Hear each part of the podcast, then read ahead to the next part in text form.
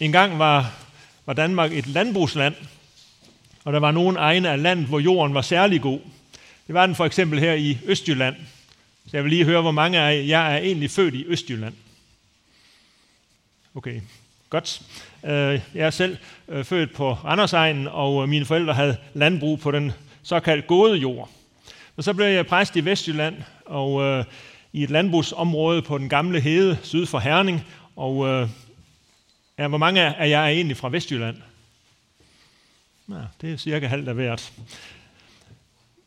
Når vi nu taler om god jord og dårlig jord i Danmark, så er det sådan en almindelig øh, skolelært om, at den gode jord findes i Østjylland og på øerne, og den dårlige jord findes i Vestjylland. Og det er nu i virkeligheden slet ikke så simpelt, som det lyder, men det lader vi ligge her. Øh, det, som er mere vigtigt, og det, som er relevant for forståelsen af Jesu lignelse i dag, og altså det budskab, som Gud har til os den her søndag, det er, at, at øh, det viser sig i 1800-tallet, da man begyndte at dyrke heden op i Vestjylland, der fandt man under lyngen jord, som faktisk var rigtig god. Den skulle bare gøres fri ved hjælp af hakke og plov. Og den iagtagelse, den kan være en hjælp for os øh, byboere til ligesom at forstå Jesu lignelse om sædemanden. For hvad der sådan ser ud som den golde hede, det øh, kommer altså til at bære rig frugt. Når Guds ord lyder, så kan de rigeste frugter vokse frem i et menneskes liv. Og med den her lignelse, der vil Jesus øh, vise os, at der findes en forunderlig kraft i denne verden. Og det er hans ord. Øh, hvis bare det ord ikke bliver hæmmet i at bære sin frugt, så kan ordet bære en meget rig frugt. Så det er ligesom de to ting, vi skal øh, ind på i søndagens øh, prædiken. Det er for det første Guds ords forvandlende kraft, og så for det andet, hvad det er, der kan hæmme den her vækst. Og når for det første Guds ord har sådan en stærk forvandlende kraft, så hænger det sammen med, at det netop er Guds ord. Det er forklaringen. Og mere forklaring behøves det sådan set ikke, fordi Gud er jo almægtig. Og hans ord har i sig en forvandlende kraft. Det mødte vi første gang ved skabelsen, hvor Gud sagde, bliv lys, og så blev det lys. Fordi Gud er den almægtige. Og det er derfor, hans ord ikke vender virkningsløst tilbage, som vi hørte i den tekst fra Esajas øh, for lidt siden. Guds ord vender ikke virkningsløst tilbage. Det gør hans vilje, det udfører hans ærende. Og øh, det fik Jesu disciple også senere bekræftet, øh, da de fulgtes med Jesus i hans jordiske liv her. Øh, der så de, at der i Jesu ord var den samme skabende kraft. En dag så stod Jesus foran graven, hvor der lå en død Lazarus inde, og så siger Jesus, Lazarus, kom herud.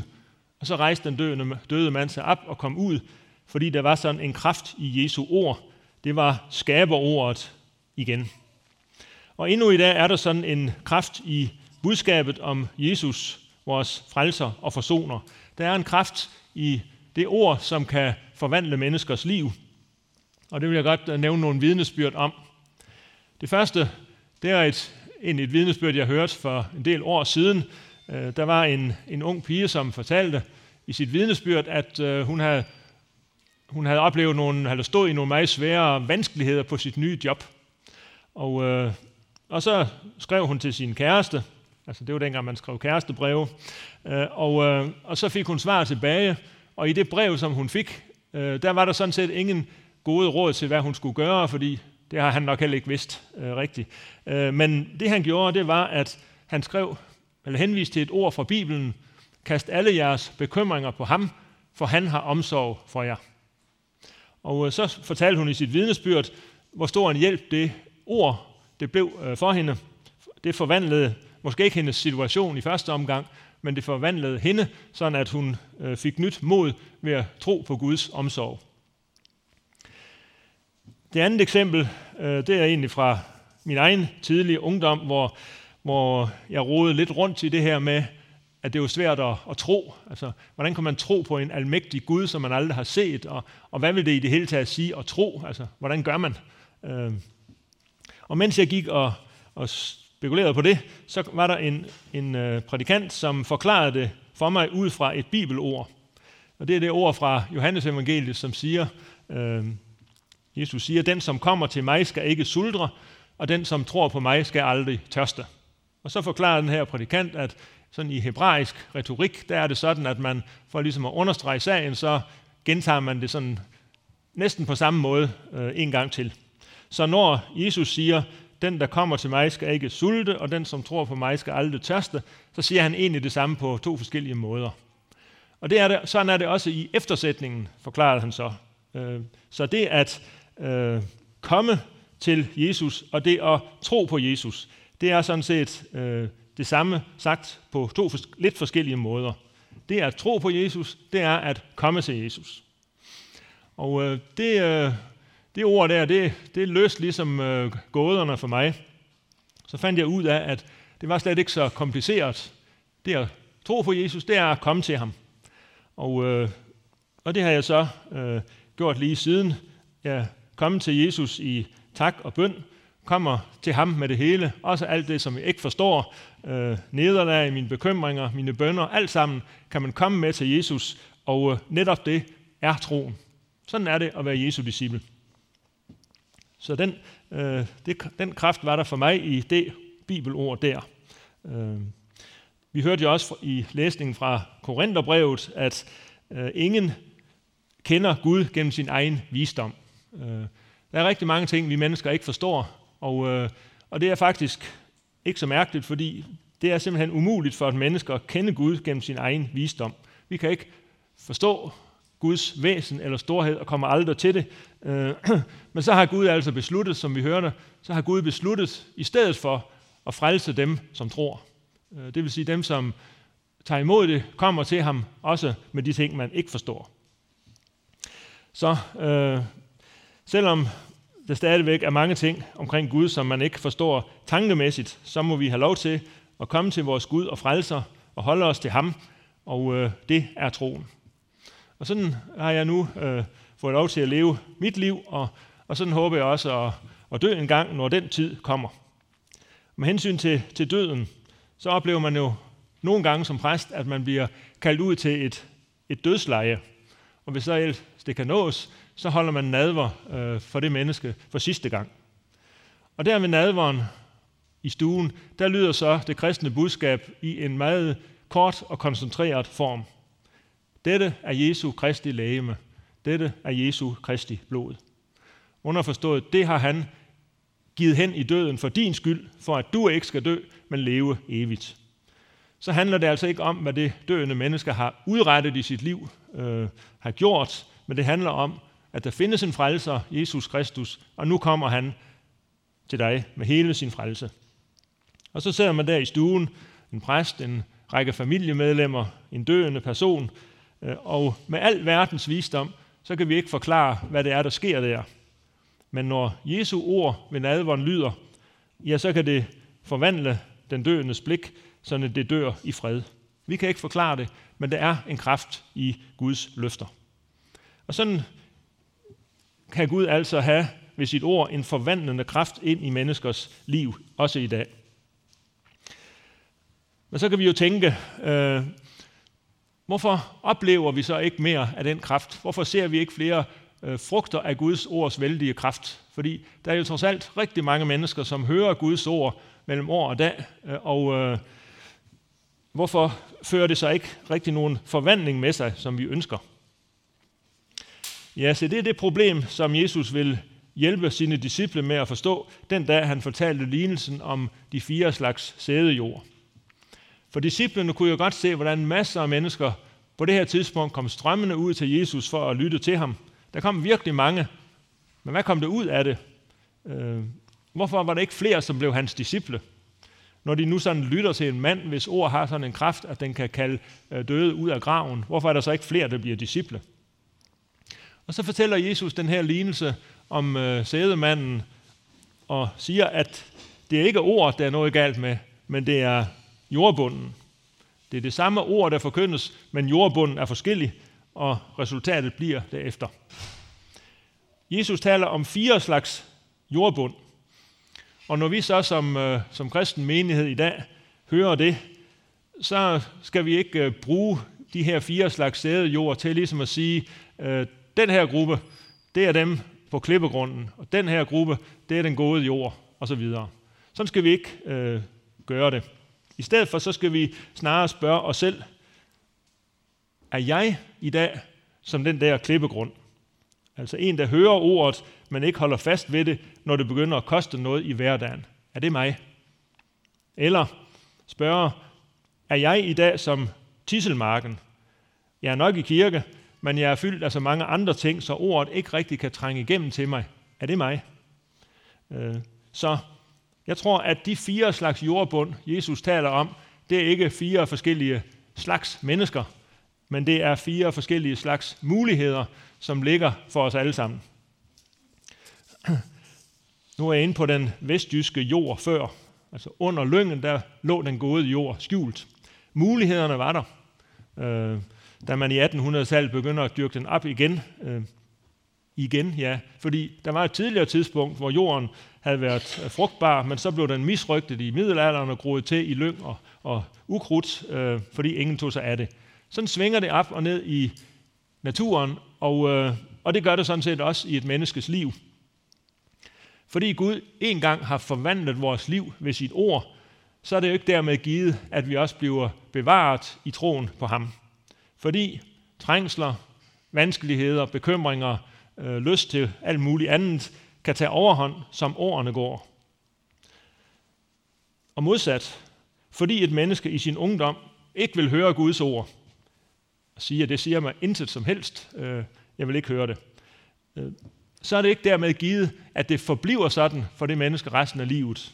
Det kan jo ske, at den person i en alder af 80 år, eller 50 år, eller 30 år, øh, pludselig dukker op i kirken, fordi et eller andet er sket, der har gjort, at vedkommende nu er klar til at lytte. Så det med fire slags jordbund, det er ikke noget, man sådan er, øh, men det er muligheder, der ligger foran os. Og det er jo derfor, Jesus sagde til øh, den store skare, den, som har ører at høre med, skal høre. Øh, altså, det er en opfordring til, at vi ikke lukker af for Jesu ord. Sådan som det gik for de fire slags jordbund i, i lignelsen, øh, kan vi så overføre til, til vores situation i dag. Øh, og for det første, så kan vi så spørge os selv, øh, hvordan kan vi undgå at blive som dem ved vejen? Altså dem, øh, hvor det bare blev liggende, og så åd fuglene det op. Ja, øh, en vej i Israel, hvor Jesus levede, den var hård, fordi mange mennesker havde gået på den. Øh, den var trådt hård og uimodtagelig. Og øh, det kan være et billede på, at, øh, at sådan kan det også gå for os. Vi kan blive uimodtagelige for indtryk. Måske fordi vi hele tiden bombarderes af indtryk fra alle mulige hjemmesider og, og medier. Øh, vi hører så mange forskellige holdninger til, hvad vi skal tro og mene og gøre, at man til sidst øh, bliver helt trådt hård i sit hjerte, så det bliver ligesom en vej, øh, og ingenting kan gro der, fordi man hele tiden øh, får så mange indtryk. Så derfor gælder det om en gang imellem at gå væk fra vejen, slukke for alle mediernes forskellige meninger, og så lige så stille lytte til ordet fra Gud, øh, og lade det få indpas. Altså en stille tid med Gud, det kan være om morgenen, eller det kan være sent om aftenen, altså hvor man, hvor man slukker for medierne og, og lader Gud øh, komme til med sit ord og sin forvandlende gerning. Øh, lad Gud komme til for at opmuntre os og trøste os og vejlede os med sit ord. Øh, og øh, jeg har i en, en lille favoritberetning øh, fra det nye testamente, øh, som jeg vil nævne i den her sammenhæng.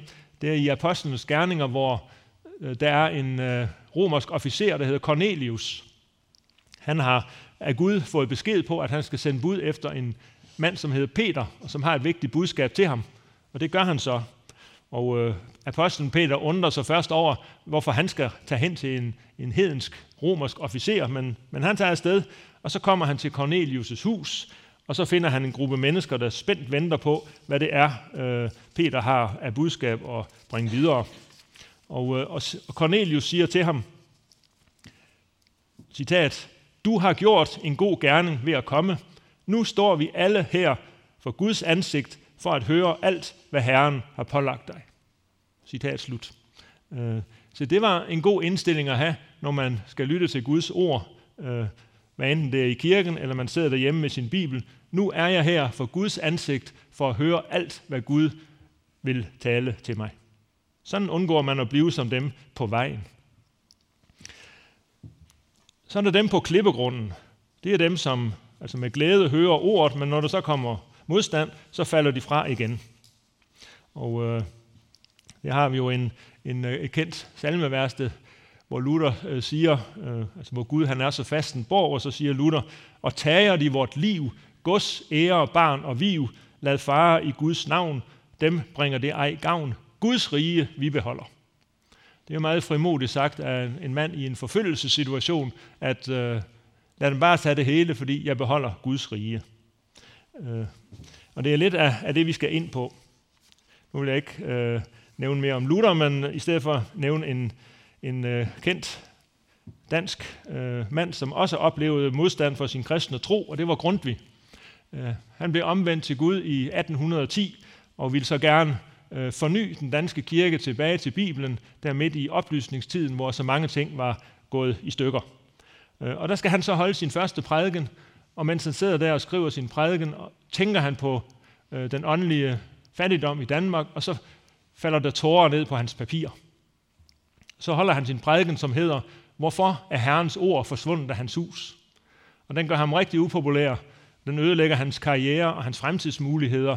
Og som han selv siger mange år efter, den prædiken den blev til mange tårer senere hen. Men jeg har aldrig fortrudt, at jeg holdt den. Øh, og øh, der skete så mange øh, ting ved Grundtvigs virke, øh, men øh, som gammel mand, så skriver han i en salme, hele verden ej opvejer, hvad vi tror og hvad vi ved. Så alt, hvad verden kan give, er ingenting i sammenligning med, hvad vi tror og hvad vi ved. Øh, når man tænker på det, øh, ja, så undgår man at blive som dem på klippegrunden. Og så for det tredje og sidste, hvordan undgår vi at blive som dem, der blev sået mellem tisler? Og det med tislerne, det var dem med rigdommens blændværk og lyst til alt muligt andet. Det kan tage overhånd. Og jeg vil måske forestille mig, at, at det er den fare, som er mest øh, truende for jer her i, i bykirken og for mig. Øh, fordi øh, vi er her, fordi vi vil jo ikke kaste vrag på Guds ord. Øh, og øh, I er med i en menighed med en bestemt profil, og det kan nogle gange koste noget, og det har I så valgt at tage med. Øh, men altså den tredje truende mulighed, den kan så til gengæld narre sådan nogen som os, øh, fordi det med rigdom, det er jo rigtigt nok, at vi skal tjene penge. Vi skal jo øh, have et liv her i verden, og der er ikke noget forkert i, at man gerne vil, vil have et, en god lejlighed, eller et godt hus, og gode rammer, og alt det der. Øh, men altså, i den der, ud af den tangent, der lurer faren om, at, at det med rigdom og ejendele, det ligesom bliver et mål i sig selv. Altså i sig selv er det gaver fra Gud, men hvis det tager overhånd for os, så kan det føre os væk. Øh, så bliver det til tomme værdier, nogle værdier, som jo forgår en dag, og som ikke består evigt. Som min onkel engang sagde, der er ikke meget ved at være den rigeste mand på kirkegården. Øh, lyst til alt muligt andet, øh, det er det også noget rigtigt i, fordi øh, der skal jo for os som øh, kristne være tid til en, en dag ved stranden, eller en, en fodboldkamp i fjernsynet, eller, eller en skistur, eller være med i en teatergruppe, eller hvad man nu interesserer sig for. Øh, for Gud har givet os livet og evner og interesser, og dem skal der være tid til at, at følge. Så det er godt i sig selv, men problemet er igen, hvis det tager overhånd øh, og skjuler Guds ord, så bliver det til, som han siger, lyst til alt muligt andet, og så er det ikke godt. Ja, vi nærmer os konklusionen i dag, og den må jo gå ud på, at på den ene side, så er der en forvandlende kraft i Guds ord. Han kan lade ske store ting i vores liv, og han gør det selv. Øh, vi kan ikke skabe de gode frugter, men han kan gøre det ved sit ord. Øh, det, som kan være op til os, det er, ligesom en gang i Vestjylland, og fjerne ukrudt og lyng og hede, sådan at den gode jord kommer frem. Og det betyder sådan helt konkret i dagen, der kommer, at vi skal tænke på en gang imellem at lægge medierne til side, øh, Vi skal droppe tanken om, hvad andre tænker om os, og så skal vi også øh, droppe drømmen om mere jordisk rigdom, øh, og så skal vi sige som Cornelius, nu er jeg her for Guds ansigt, for at høre alt, hvad du har at sige mig. Øh, på den måde, så har man valgt den gode jord, øh, og så er det, at Gud kan komme til at forvandle. Og derfor siger vi, lov og tak og evig ære være dig, vor Gud, Fader, Søn og Helligånd. Du som var og er og bliver en sand treenig Gud, højlovet fra første begyndelse, nu og i al evighed. Kære himmelske Far, vi